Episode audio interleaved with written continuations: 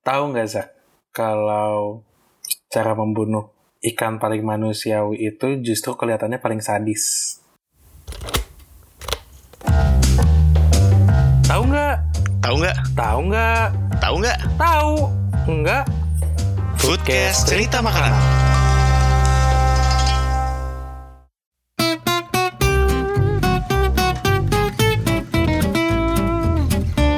Emang paling sadisnya kenapa tuh, Bram? Paling sadis itu karena tekniknya Hmm. itu agak-agak gruesome untuk sebagian orang melihatnya mungkin sadis kayak jadi teknik ini itu dilakukan dengan cara kayak lu taruh paku paku ya paku Mm-mm. itu langsung ke otaknya Oke.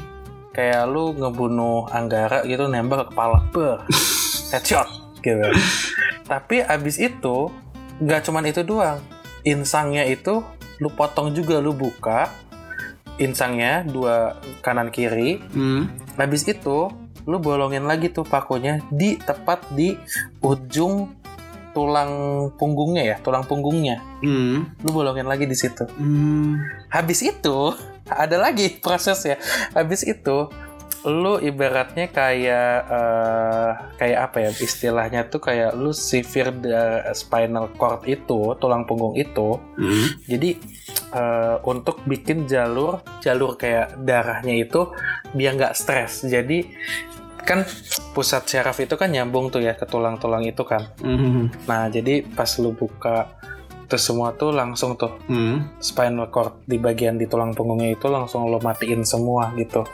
si sistem syarafnya Hmm. biar si ikan itu ototnya nggak kaget. Loh sadis kan kalau dibahas kayak gitu? Ya, tapi kan sebenarnya eh, konsepnya itu sama. Kalau kita mau nyembelih binatang, soalnya kita harus bikin sesingkat mungkin supaya dia nggak tersiksa kan. betul secara tidak langsung yang lo ceritain barusan itu kan dia dibunuhnya kan instan dia langsung ibaratnya kayak headshot gitu langsung kena otak Mm. kan jadi benar-benar otaknya itu dalam sekejap di- kita membuat dia tidak sadar bahwa dia sudah mati iya. Nah ketik- dan supaya lo tadi juga bilang kan dicab eh, di yang bagian spinal cordnya dicabut ini segala macam itu ya atau juga otaknya juga udah mati tapi sebelum ada stress signalnya juga kan dikirimin ke otot-ototnya. Jadi ya secara badan eh, dari ikan tersebut juga dia nggak merasakan stres akibat eh, proses penyembelihan lah ibaratnya proses Mhm. eh, supaya dia matinya. Jadi technically kalau menurut gue ya gue ngerasa teknik yang kayak gitu bagus sih nah teknik itu itu teknik ini itu dinamakan ikejime. Apa ike ike? Kan? Bukan kimochi ike ike zaki. Namanya ikejime. Oh ike jime Ikejime. Ini tuh budayanya orang Jepang. Mungkin ya, mungkin jadi kenapa juga bahwa sushi itu selalu seger kan. Kalau lu pikir-pikir, buat orang yang udah ke Jepang, Hmm. lu udah ke Jepang dong. udah. Lu kalau makan sushi di situ lebih enak kan dibanding kita makan di Indonesia. nggak makan nggak punya duit atau itu di sana Lu ngapain ke Jepang? Lu ngapain ke Jepang? Pertanyaan gue langsung pasti gitu. Lu ngapain ke Jepang, Zak? Nggak ngamen? backpacking. Iya. Oh, Kayak waktu misalnya waktu itu pas gue ke Jepang dulu ya kan karena gue backpacking eh, jadi duit terbatas lebih seringnya sih makan cup ramyeon eh, apa sih cup ramen kayak gitu-gitu. Karena gue concern gue adalah lebih pengen wisata tempatnya keliling-kelilingnya. Oke. kalau sushi kan agak ini. Oh sama ini. Waktu itu eh, apa ya Tsukiji Fish Market ya Tsukiji ya namanya Iya, di Tsukiji. yang fish market terkenal di Jepang Mm. itu pas gue ke sana pas lagi renovasi Oh, kasihan banget. Jadi lu nggak ngeliat tuna yang besar-besar itu nggak lihat ya? enggak gue gitu Oh. Nah, jadi cara ikejime itu seperti yang udah gue jelasin tadi. Jadi setelah si syaraf-syaraf sistem syarafnya dimatiin, pertama kan otaknya dulu yang dimatiin ya. Mhm. Terus dari insang, Mhm. terus ke sistem syarafnya. Mhm. Habis itu lu taruh di apa ya di apa ya tempat es batu gitu loh. Kayak lu lu taruh di situ. Kenapa? Biar kan walaupun otaknya udah mati kan kadang-kadang eh, muscle tuh masih punya muscle memory kan. Mhm. Otot itu masih mompa tekanan darahnya. Nah, Mhm. biarlah dia bleedingnya di situ pelan. Jadi si darah itu tuh nggak akan masuk ke daging ikan. Karena kan kalau misalnya selama ini mungkin di Indonesia juga kan ikan itu cuman ditakol ya kepalanya. Kasihan banget. Kasihan banget atau enggak secara umum hampir dilakukan oleh seluruh dunia itu ikan-ikan itu biasanya dibiarin sesak nafas aja gitu. Habis dipancing naruh naik udah sesak gitu kan. Oh iya iya iya.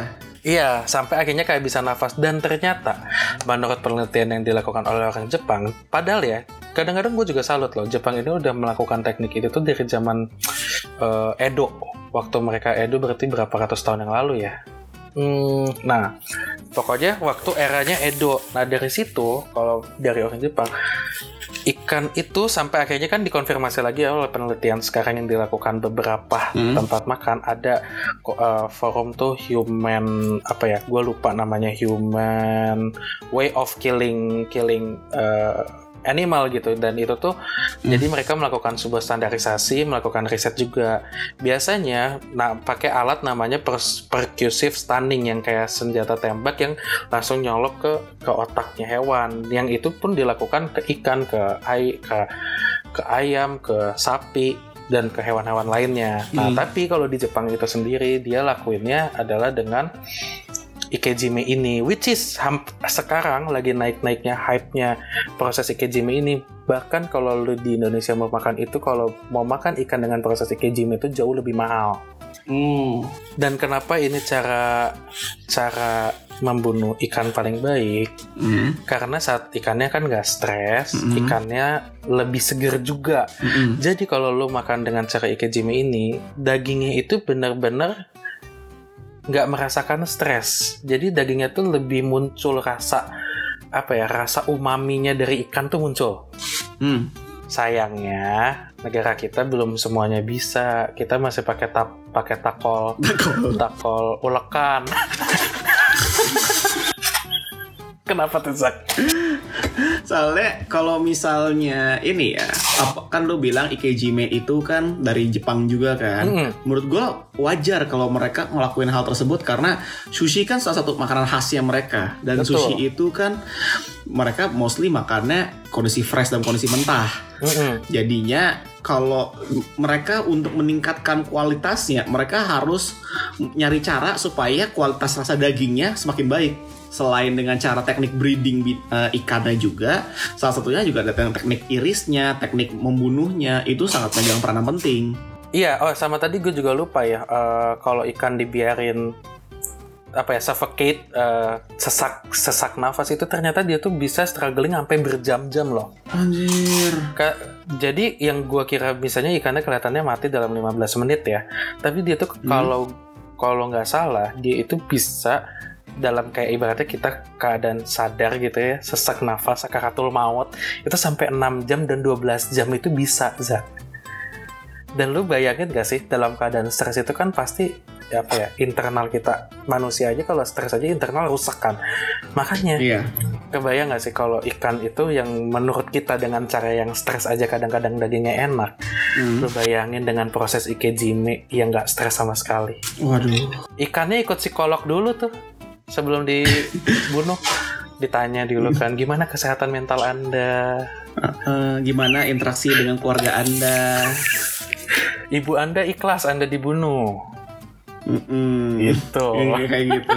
Tapi memang gak usah jauh-jauh ke Ikejime ya. Mungkin buat para lapar banyak yang baru dengar nih istilah Ikejime. Tapi eh gue rasa para lapar minimal tahu istilah kata wagyu. Mm-mm. Wagyu itu kan sebenarnya sapinya diberikan treatment yang sangat baik dalam masa hidupnya, dibuat nyaman sampai eh, di makanan di eh, makanannya dikasih yang enak ya enak banget, terus juga di hidupnya nyaman. Pakai selimut, alat pijet. Oh, eh, ada alat dipijetin juga sampai ada beberapa yang dikasih musik juga kan buat dia mendengarkannya biar tenang. Iya, headsetnya aja bos loh. Gua aja nggak punya headset itu. Iya loh. nah, itu dikasih treatment yang baik supaya menghasilkan kualitas daging yang lebih baik. Betul. Itu cocok sama prinsipnya Brahma. Urusan hidup lo, urusan hidup ketika lo masih hidup itu urusan lo, ketika lo udah mati urusan perut gua. Jadi Iya, betul. dia dikasih hidup nyaman, langsung mat eh, begitu udah hidup nyaman, matinya jangan disiksa supaya semakin enak. Jadi biar masuk ke perutnya juga enak. Dipikir-pikir kita manusia mirip kayak ini ya cerita Hansel and Gretel ya. Kenapa itu? Yang kan dulu kan dua anak kecil masuk ke rumah penyihir. Di rumah penyihir itu dikasih makan manis sampai gemuk dan segala macam sampai akhirnya nanti dimakan sama penyihir itu kan. Hmm. Kita tuh dipikir-pikir kita tuh adalah penyihir itu. Kasih sapi yang baik-baik, diceritain, baju tidur, Hmm. pasang selimut. Yuk besok mati yuk, yuk makan. Ya tapi lumayan sih. Kalau misalnya buat para lapar nih kalau penasaran sama Ikejime mungkin bisa cari-cari tahu. Atau mungkin di tempatnya para lapar kebetulan ternyata deket tuh. Misalnya ada yang deket oh di, ada yang dibilang nih tempat sushi ini teknik Ikejime boleh tuh jadi cobain tapi ya seperti Brahma wanti-wanti tadi harganya mungkin masih mahal kalau di Indonesia. Eh, di seluruh dunia kayaknya emang hampir mahal deh Zak, kecuali di Jepang. Oh ya kecuali di Jepang jadi kalau mau murah ke Jepang Jadi kalau-. Jadi tapi harus hati-hati juga ya buat para lapar kalau yang mau makan teknik ikejime, bilangnya ikejime bukan ike ike. ntar Ike Kimochi Jangan kayak Zaki tadi. Tahunya ike ike. Tolong jangan diikutin, itu tidak baik. Iya. Ya udah sekian untuk episode tahu nggak eh, yang kelima ini yaitu teknik ikejime untuk cara membunuh ikan paling manusiawi dan biar bikin ikannya paling fresh. Kalau kalian suka dengan episode ini silahkan share dan mention kami di Twitter cerita underscore makanan. Foodcast cerita makanan adalah Instagram kita. Instagram gue zaki.muhammad. Instagramnya gua Ramadan Brahma. Thank you for listening to this episode. Until next time. Stay hungry.